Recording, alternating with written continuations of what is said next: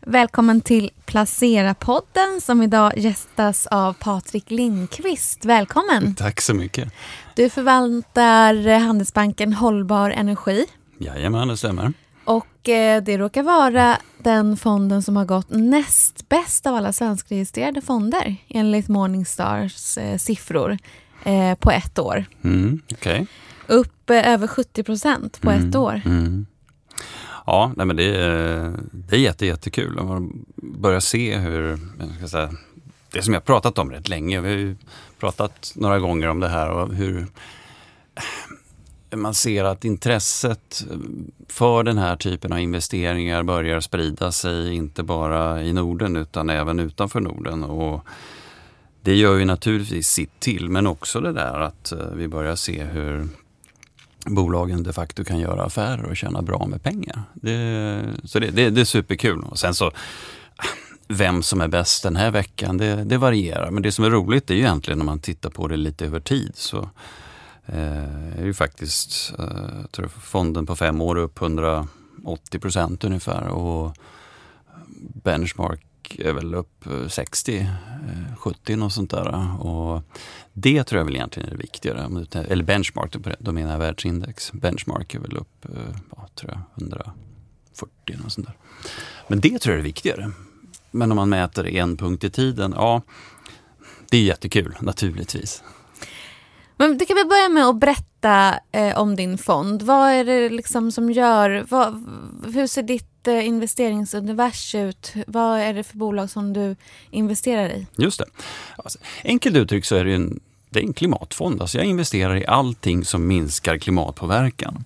Och då, det låter ju eh, knepigt och, och luddigt men enkelt uttryckt så brukar jag tänka lite grann så här, försöka koppla ihop eh, problemet, lösningen och fonden. Det vill säga problemet, var finns det någonstans? Det säga, vilka regioner finns, finns det? Jag menar, Kina är den största utsläpparen i världen. Då är det rätt rimligt att fonden investerar där. Sen när det gäller lösningarna kan man säga att ja, förnybar energi, eh, alltså sol och vind och sådana saker, absolut. För det är en väldigt viktig del i hur vi ska komma från den nuvarande riktningen vi är på väg när det gäller utsläppen och böja av kurvan ner mot vad man kallar stated policy scenario.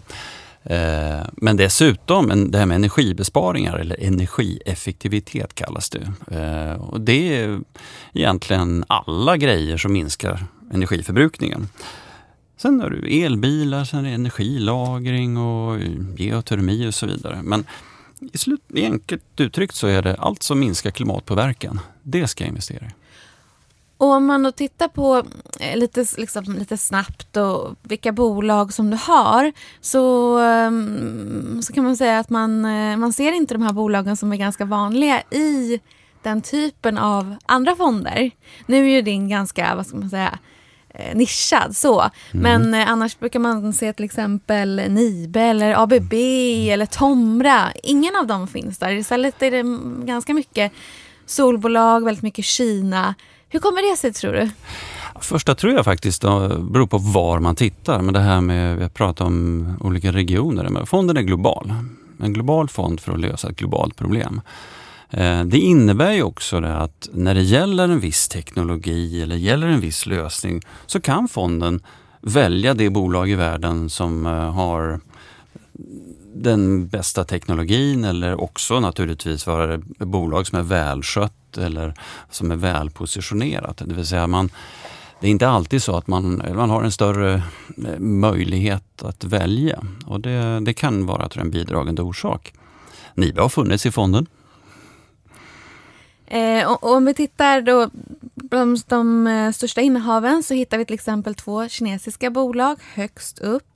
Det handlar om solceller eh, och de är en ganska stor del av portföljen men de har också haft en fantastisk utveckling senaste året.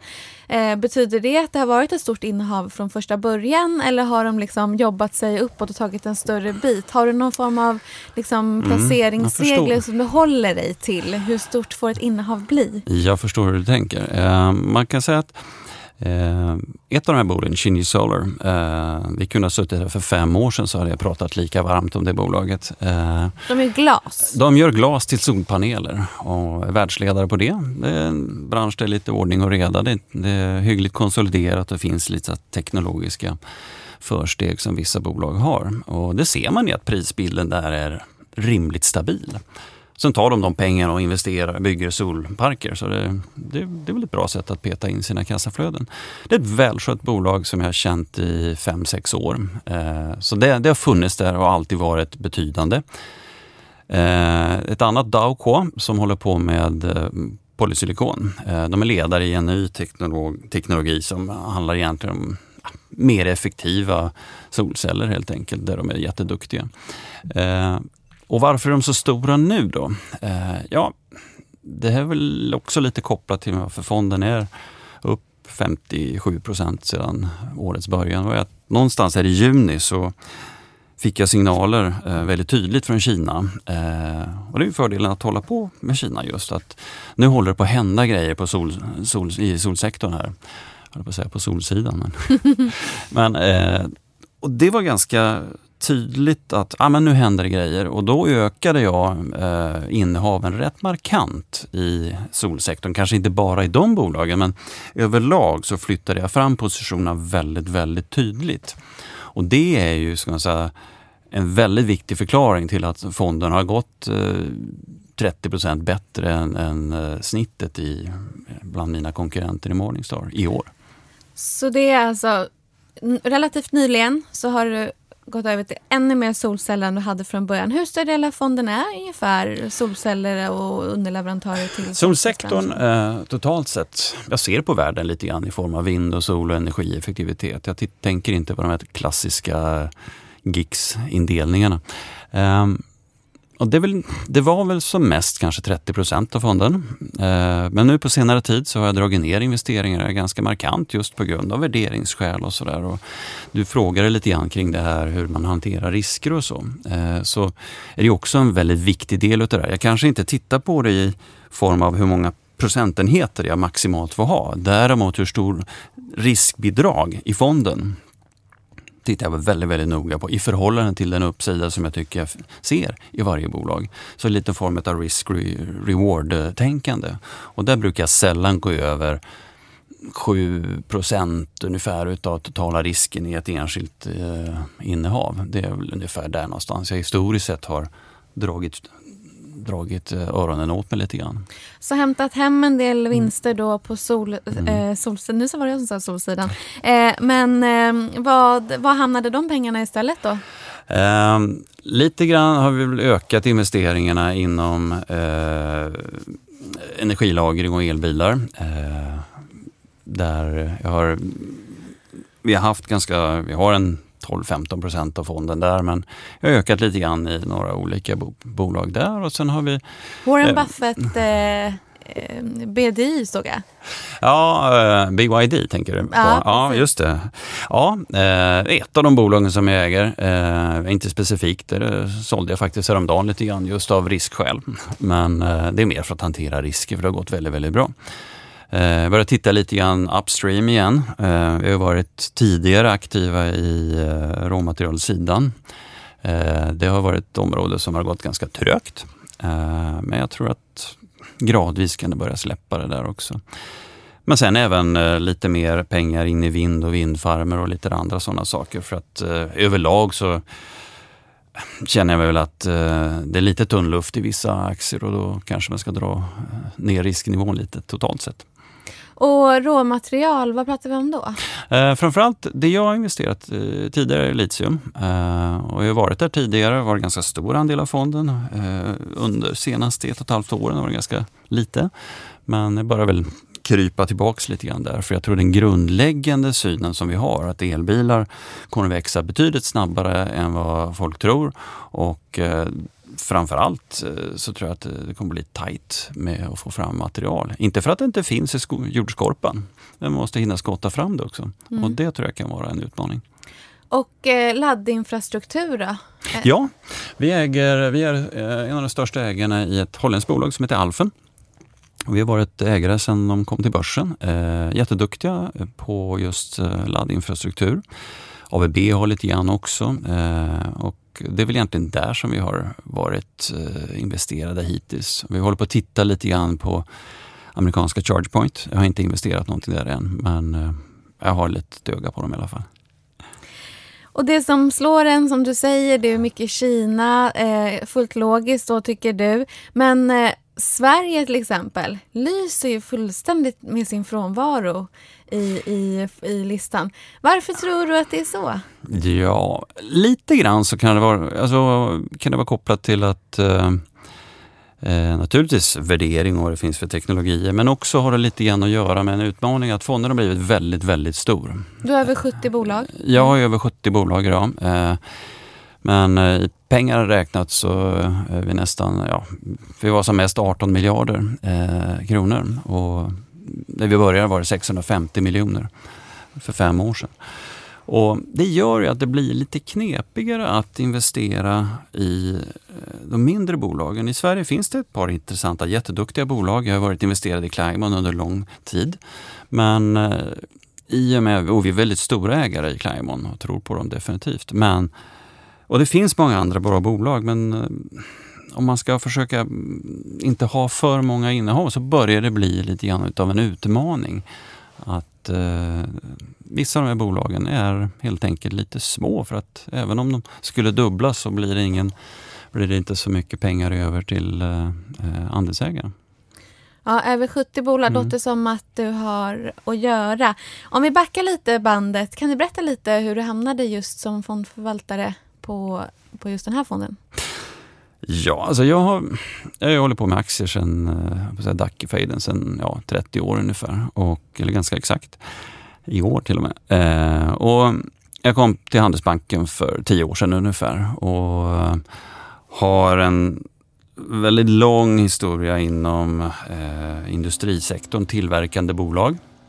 Eh, jag tror att det, och det är en sektor som är väldigt vanlig när vi pratar om energibesparingar. Det är mycket att tillverka olika manicker som minskar energiförbrukande. Det vill säga att verkstadssektorn och industrials det har en ganska tydlig koppling till ett område som, som egentligen är det största om man ser det ur eh, hur mycket det ska dra ner utsläppen så är faktiskt energieffektivitet viktigare än förnybar energi, hur konstigt det än låter.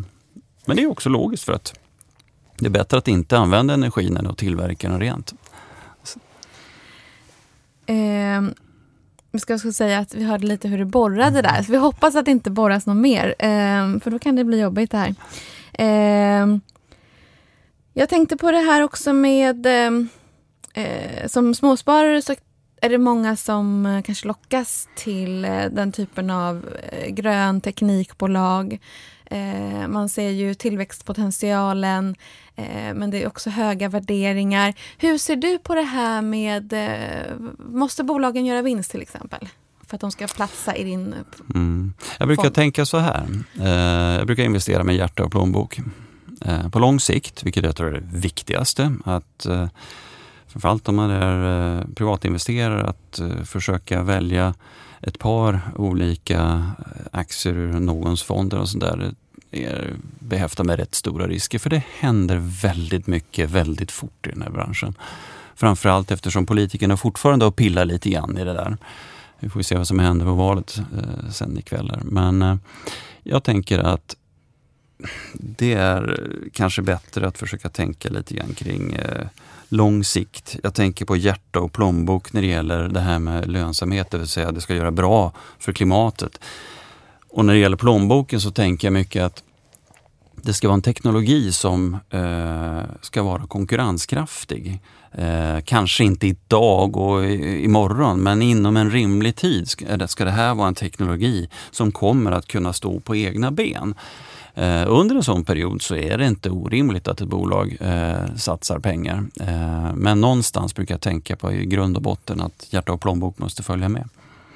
Och, eh, så, så du har ingen sån att liksom 5-10% kan vara så kallade förhoppningsbolag av fonden? Har du någon form av... Nej, det har jag inte. Eh, sen kan jag väl tillägga att min eh, ebitda-multipel är lägre än, än eh, mitt benchmark och inte speciellt mycket högre än världsindex. Så att det är inte så där så att det är bara förhoppningsbolag och, och, och stora luftslott i, i fonden. Och som, jag återkommer ändå att vi Eh, är väldigt mycket i Kina då. Eh, och det här är ju, eh, det här är ju verkligen en ESG-trend som är superstark. Men det finns ju andra bokstäver i ESG. Eh, hur ser du på ESG-risker eh, utöver då att det här är en liksom, miljöteknikfond? Jag tänker på till exempel arbetsrätt och så vidare. Absolut. Jag menar, det, är, det är superviktigt, verkligen. Eh, jag kan ta ett exempel som eh, kanske inte gynnar fondens ägare men Eh, vi, har, vi, var ägare, vi ägde Tesla och ägde under en ganska lång period. Men, När sålde du av? Vi sålde dem i mars. och då kan man säga det var ju jätteklantigt gjort. Men anledningen till att du vi sålde dem... Du hade varit med rätt länge då? Ja, Lite ja, då. perioder då? Jo då, jag har varit med en hel del där. Men, eh, och vi tjänade bra på det. Men eh, varför sålde de där i mars då? Jo, enkelt uttryckt så hade de, eh, de har betett sig lite illa mot sina arbetstagare. Eh, man har försökt förhindra fackföreningsaktiviteter på fabriken och så. Och vi har ju kontakt med dem där eh, för ett drygt år sedan, lite mer än så, kring just de här frågorna. Då hade de fått en ny HR-direktör som hon var väldigt tydlig med att ah, men vi ska bli mycket bättre på det här och det här är min plan på det där. Okej, det kändes väl bra att de var på rätt väg. Sen så slutade hon och sen så, sen så torskade även Tesla i ett rättsfall just kring de här grejerna och då kände vi att ah, men, vår leverantör, vi har ju sådana konsulter som tittar på saker och ting om det är bra eller inte. Och sen så de sa, nej men vi gillar inte det här. Och då har vi naturligtvis möjligheten att i vårt eget hållbarhetsråd bilda oss en uppfattning och bestämma. Men just i det här fallet så, så att, nej men de har faktiskt inte betett sig speciellt schysst och eh, den som vi såg lite grann som garanten då, hon har sagt upp sig. Eh, så eh, då sålde vi. Eh, vilket naturligtvis har påverkat den relativa avkastningen i förhållande till ett benchmark. Den steg rätt rejält? Efter. Ja, absolut. Den har ju mm. gått som en kanon. Mm. Men det är lite grann för att illustrera det med att S och G är också väldigt viktiga för oss. Och hur vet ni då till exempel i den här kinesiska, eh, då till exempel elbils bolaget. Hur vet man där? Det måste ju vara svårt att, att säkerställa just den biten, tänker jag. Ja, och det ska väl verkligen säga i dessa tider. Men normalfallet så är vi där väldigt mycket. Men, eh, ja, det, det, är också, man är ju stängt lite ja, efter corona och, det, det, och Då är det mycket svårare eh, att vara där och, och se saker. Jag, jag har alltid i 30 års tid eh, haft för vana att bege mig rätt mycket ut i fabriker och sådär. Jag tycker det är väldigt roligt. Eh, jag tycker också det är väldigt intressant att när man är på sådana platser så handlar det inte bara om att träffa bolagen. Vi tar eh, för tre, fyra år sedan så var vi nere i, i Argentina, Chile och tittade lite grann på litiumproduktionen där. Och inte bara träffade bolaget och frågade, går det bra? Utan jag träffade representanter för den lokala eh, ska säga, kulturföreningen, by, eh, byahövdingarna. Jag träffade de som skrev lagen och så vidare för att bilda sig en lite bredare uppfattning kring eh, olika utmaningar. Med utvinningen? Ja, precis. För det, man kan ju fundera lite grann. Så man kan antingen göra som strutsen, bara stoppa huvudet i sanden och hoppas det blåser över. Eller också kan man säga att ja, det här är ett område som ur ett klimatperspektiv är bra. Det finns utmaningar med produktionen. Eh, men då kanske det är så att vi som investerare kan vara med och hjälpa till och påverka i rätt riktning. Nätt, nätt så tror jag det blir ganska bra. Eh, vi har ett par sådana exempel på det och vi för den där typen av dialoger löpande. Och då säger alla att ja, men vi har dialoger. Yes, det är jättebra. Eh, jag tycker det viktigaste är för att komma tillbaka till det här kinesiska exemplet, att kunna vara på plats som förvaltare. Det är jättebra och vi har också ett stöd av ett superstarkt eh, sustainability team. Men det är ju jag som förvaltare som kan bolagen. Det är jag som ska äga dialogen. Det går inte att outsourca till en konsult eller till en trappa upp eller något sånt där. Utan jag tror väldigt mycket på att det ska sitta här. Jättesvårt nu, men uh, I'll be back. um, och uh, om, om, om, vi pratar då istället om ett område som har um, som säga, ganska engagerade aktie följare eller aktieägarföljare så är det ju bränsleceller och eh, vätgas. Mm. Eh, och jag såg att eh, i alla fall några av de bolagen som har gått in i år är eh, håller på med det. Precis. Eh, alltså, jag tänker så här när det gäller eh, vätgas. Att eh, överlag i de applikationer där eh, det går att använda någon form av el eller eh, batterier och sådär, så kommer det att ske. Eh, varför det då? Jo, det är för att energieffektiviteten i hela cykeln i vätgas är för dålig. Om du stoppar in en kilowattimme i ena änden så får du ut 0,2 till 0,4 kilowatt i andra änden när du, har, när du använder vätgasen i bränslecellen. Det gör att det är en teknologi som behövs, för du kan inte använda el överallt. Men det kommer att kosta en del. Och det här med hjärta plånbok-argumentet, då, då, då haltar det lite grann. Det som har gjort att jag investerat, eller tittat djupare i det och, och uh, lagt in mer pengar i det, det är egentligen kan säga, de väldigt tydliga signaler som kommer från politikerna. För det kommer att behövas politiskt stöd och politisk tydliga agender för att få det här på marken eftersom eh, det är för dyrt idag att göra vätgas och eh, då måste man på något sätt se till att ta eh, eller överbrygga den kostnaden i ett, om vi pratar i alla fall ett 10-15 års perspektiv. Och då kan man säga, ja men det har vi gjort tidigare i både sol och vind. Eh, och det är ju det billigaste sättet att göra energi idag, så att jag tror vi kan komma till den punkten. Men just det här att vi börjar få ett mer politisk konsensus till det där. Eh, e EUs Green Deal är väldigt tydligt ett område där man talar om det där. Och det gör att jag har liksom faktiskt börjat investera i området. Sen tror jag inte vi kommer att köra bränslecellsbilar. Eh, den som säger det eh, bråkar jag gärna med. Men, eh, av den enkla anledningen att det löser sig med batterier. De är 98% eller 95% effektiva i cykeln. Om, om du är 30% effektiv, då har du rätt mycket i baken innan matchen börjar. Du sa ju där EUs Green Deal till mm. exempel. Vad har du för förväntningar på den? Jag tycker att det är jätte, jättespännande. För om man, om man lyfter det ett steg och så tänker ja, här kom då e- Europa och överens och insåg att okej, okay, om vi ska kickstarta ekonomin så kan det vara smart att lägga pengarna i någonting som vi ändå måste göra för att överleva. Så är det. Då så väljer man att lägga pengar i, i det här området. Det tror jag fortfarande det tror jag är väldigt, väldigt bra av den anledningen att det finns områden som vätgas där du behöver offentliga investeringar för att kickstarta det, där du behöver någon form av hjälp på traven. Eh, det finns beräkningar på vad ungefär en, miljard, en tusen miljarder euro ungefär som kommer att petas in som equity det skulle kunna med en gearing ge 4 000 miljarder ungefär i offentliga eller kopplade investeringar. Men utöver det, om du till exempel ska göra vätgas av, eh, av vatten då, som man gör då, grön vätgas, ja då behöver du massvis med, med vind eller solenergi för att göra det där. Så du får en bra leverage på det där. Men det är bra, för då får du EU igång. Men vad som har hänt, vilket som är super, super spännande, det är egentligen om du tittar vad som har hänt i övriga världen. 22 september då, då var eh, Xi Jinping i, i FN och sa att, ah, men vet ni vad? Vi ska faktiskt snäppa upp oss lite grann och sikta på att vara carbon neutral by 2060, som de sa. Och höja ambitionerna redan till 2030, vilket är super, super spännande. Och det är också en anledning till att det ökat investeringarna inom renewables i Kina.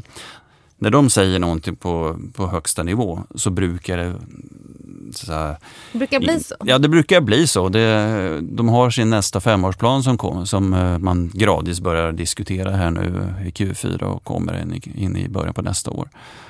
Och jag är helt övertygad om att vi kommer att se att uh, där kommer att hända grejer i den riktningen. Och sen kom Japan och sa att, ja men vet ni vad?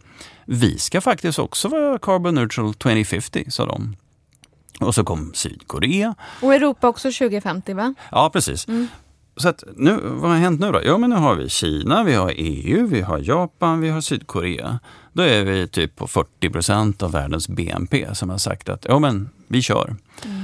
Och Sen så, vi, har vi, den där, så får vi det där andra stora landet. Just det, får vi se vad, vad de hittar ikväll. på ikväll. Ja. Ja. ja. För när vi, eh, när vi spelar in det här, då är det ju bara då några timmar till, kvar tills allting kör igång där. Mm. Och eh, jag intervjuade ju dig eh, i ett, i ett annat sammanhang då för fyra år sedan. Just det. Eh, och då hade precis Donald Trump vunnit och alla sa att det här var så dåligt för miljön. Och så pratade jag med dig och du sa nej, jag är inte så orolig. Nu fick du verkligen rätt. För att den, den här branschen har ju ändå gått väldigt, väldigt bra under de här fyra åren. Fossila bränslen har inte alls gått bra. Så det, du, du, du menade på då att eh, det här är så starka krafter, de här marknadskrafterna, så det spelar liksom nästan ingen roll vem som sitter vid makten. Vidhåller du det nu fortfarande? Ja, lite grann är det åt det hållet. Som jag tänker kring eh, kvällens eh, boxningsmatch är väl egentligen att får vi Trump som fortsätter fyra år eh, så kan vi konstatera att ja, men, förnybar energi och, och klimatinvesteringar har aldrig växt så snabbt som de senaste fyra åren. Det läggs ner kolkraftverk i USA på löpande band. Och varför det? Jo, money talks. Och speciellt i det här landet. Och det är det som är grejen. Att liksom hjärta och plånbok.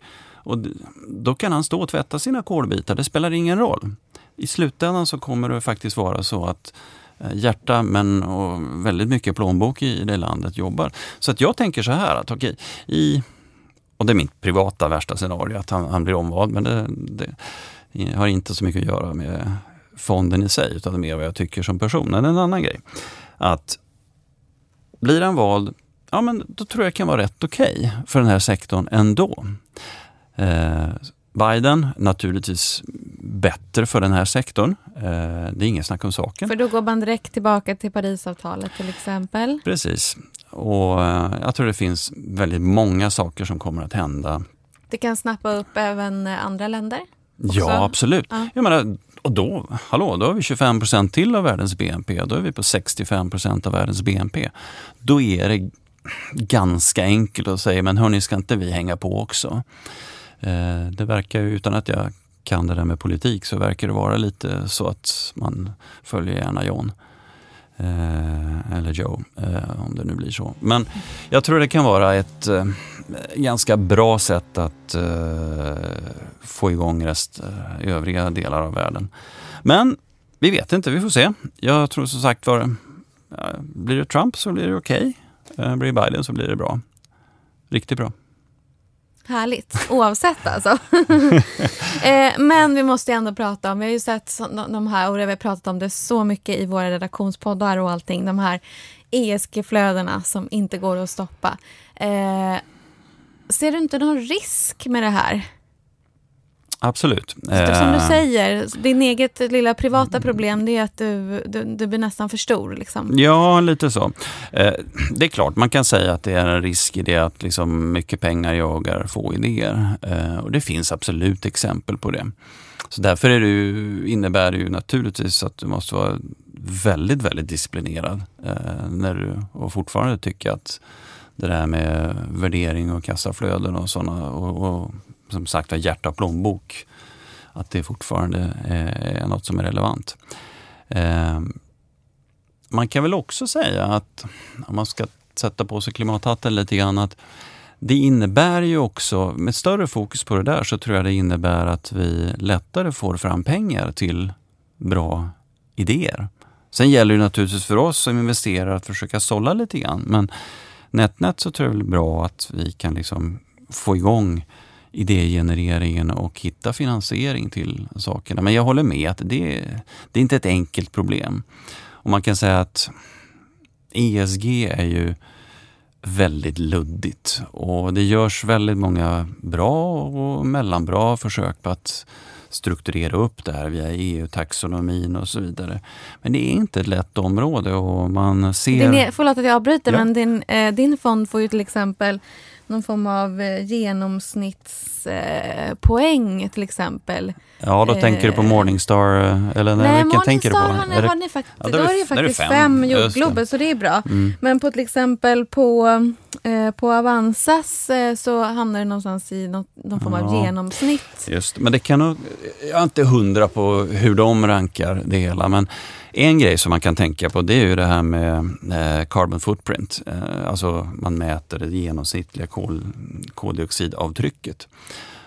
Och då kan vi koppla tillbaka lite grann. Vad, vad gör den här fonden? Hållbar energi? Ja, men vi, invester, vi går dit där liksom utmaningarna finns. Eh, jag kommer inte investera så jättemycket i hälsovård eller banker. De har väl inga jättestora koldioxidavtryck om det, man mäter skåp 1 och 2. Skulle man mäta det över hela livscykeln, ja men då är det en annan grej. Faktiskt så jag tittade på det, och det här var kanske inte superaktuell data, men det var för något år sedan. Om jag skulle optimera mitt koldioxidavtryck så ska jag köpa Shell och sälja eh, Rockwool. Mm. Alltså till exempel då solceller som det är mycket glas. Det, mm. det går, ja. det är helt enkelt inte så miljövänligt precis när man tillverkar det. Nej. Men över, över hela cykeln så... Och det där är ju det är ett exempel på, jag pratade om det här med att eh, analysen och det här med hållbarhetsgrejer måste sitta här. Eh, just när det Shinju Solar som om man frågade konsulter för fem sex år sedan så var det typ det sämsta som fanns. Och varför det då? Jo, det är för att de gör glas och glas är en energiintensiv process och släpper ut koldioxid och det är ju inte bra. Men då satte jag mig själv ner tillsammans med ett antal olika konsulter och ganska välrenommerade eh, institut och räkna lite grann på, ja men släpper jag ut ett kilo koldioxid i luften för att göra solglas, hur mycket sparar det över produktens livslängd? Och får du då, som jag kom fram till, någonstans mellan 25 till 45 gångers avkastning, det vill säga det sparar 25 till 45 kilo. Mm, det är väl okej. Okay. Apropå det här med att jobba nära och förstå vad man gör. Mm. Så det är inte så enkelt det där eh, med de där avtrycken. Och det, eh, alla har sina olika, alla har liksom sina egna sätt att räkna och det är inte så enkelt. Det är svårt. Mm. Ja, och framöver då? Du har varit inne på det. Vad, vad ser du som mest mm. intressant eh, på den här fronten mm. den kommande tiden? Som sagt eh, fortfarande så tror jag att kinesisk Eh, policy för 14 femårsplanen kommer att vara väldigt positiv för sektorn. Eh, lite grann så har det börjat pratas om det men jag tror fortfarande att det finns uppsida där. Nere i elbilar överlag eh, så ser vi egentligen bara att det går fortare än vad folk tror. Vilket det brukar göra i den här branschen. Alltså titta på solceller, titta på vindsnurror. Det går fortare än vad folk tror. Och, eh, så det tycker jag fortfarande är intressant. Eh, när det, sen överlag då, eh, får vi se vem som vinner ikväll, men överlag så finns det, jag menar, det är ett väldigt positivt backdrop till, eh, menar, vi pratar, vi hade ju COP21 2015, ja det var en positiv sak, men sen eh, faktiskt nu så har väldigt många dragit slutsatser och liksom faktiskt eh, börjat göra det de pratar om. Och det, så det är ju väldigt positivt. Eh, vätgas, eh, jag tror det är en lång puck så jag tror inte man behöver springa ihjäl sig på den. Men eh, det är absolut intressant. Och vindkraft då? Vi har inte varit inne så mycket ja, på det. Eh, vindkraft tror jag, eh, det, det, finns absolut på plats. Eh, jag tror att, eh, och det kanske inte skiljer, men så man kan offshore, eh, ett område som är egentligen där vi kommer att se den största tillväxten.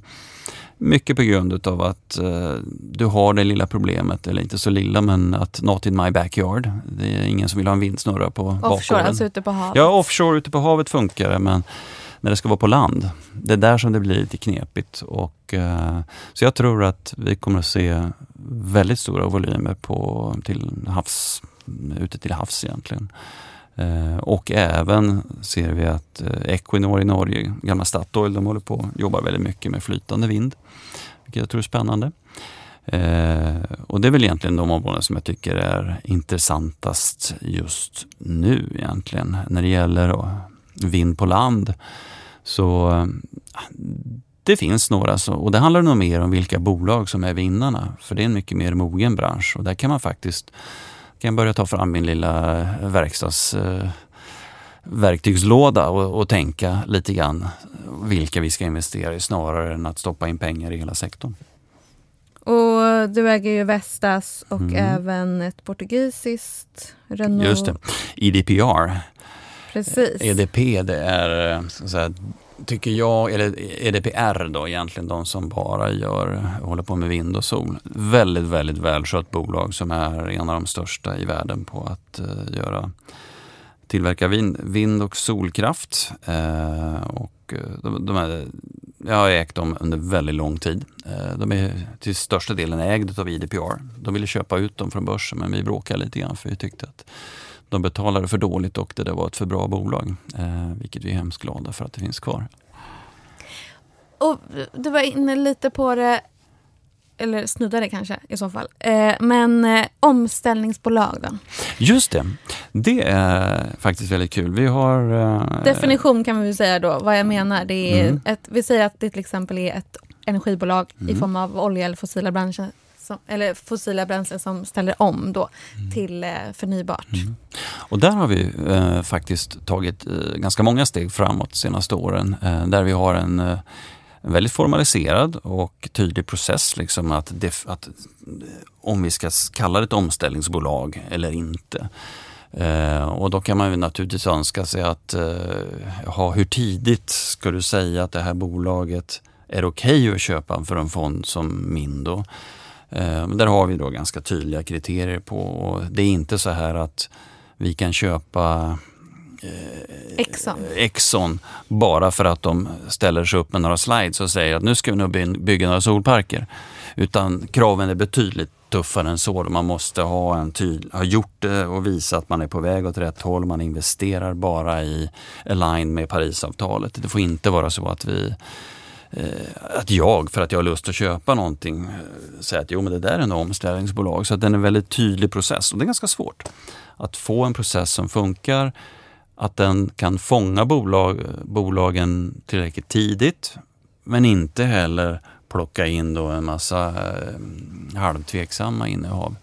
Så det, det, är verkligen inte enkel materia men jag är superglad att vi jobbar med det. Eh, och det är en dialog hela tiden med eh, som vi har med både bolagen men även internt för att vi ska ha en process som är tydlig och robust. Har du några exempel på några sådana som du kikar på nu eh. eller några som du tagit in i portföljen? Ja, vi kan väl ta, eh, köpte in mig i Ignitis. Det är ett eh, ett baltiskt eh, kraftbolag som har faktiskt en del fossila, eh, fossil kraftproduktion. Men där vi tycker att deras investeringsplan är väldigt, väldigt tydlig var de vill någonstans och det vill vi vara med och finansiera. Det är ett exempel på ett sånt. Ganska nyligt. Jag får tacka så väldigt mycket för att du kom hit, Patrik Lindqvist. Kul att ha dig här. Tack detsamma jättekul att vara tillbaks. Och tack för att ni har lyssnat. Hej! Hej!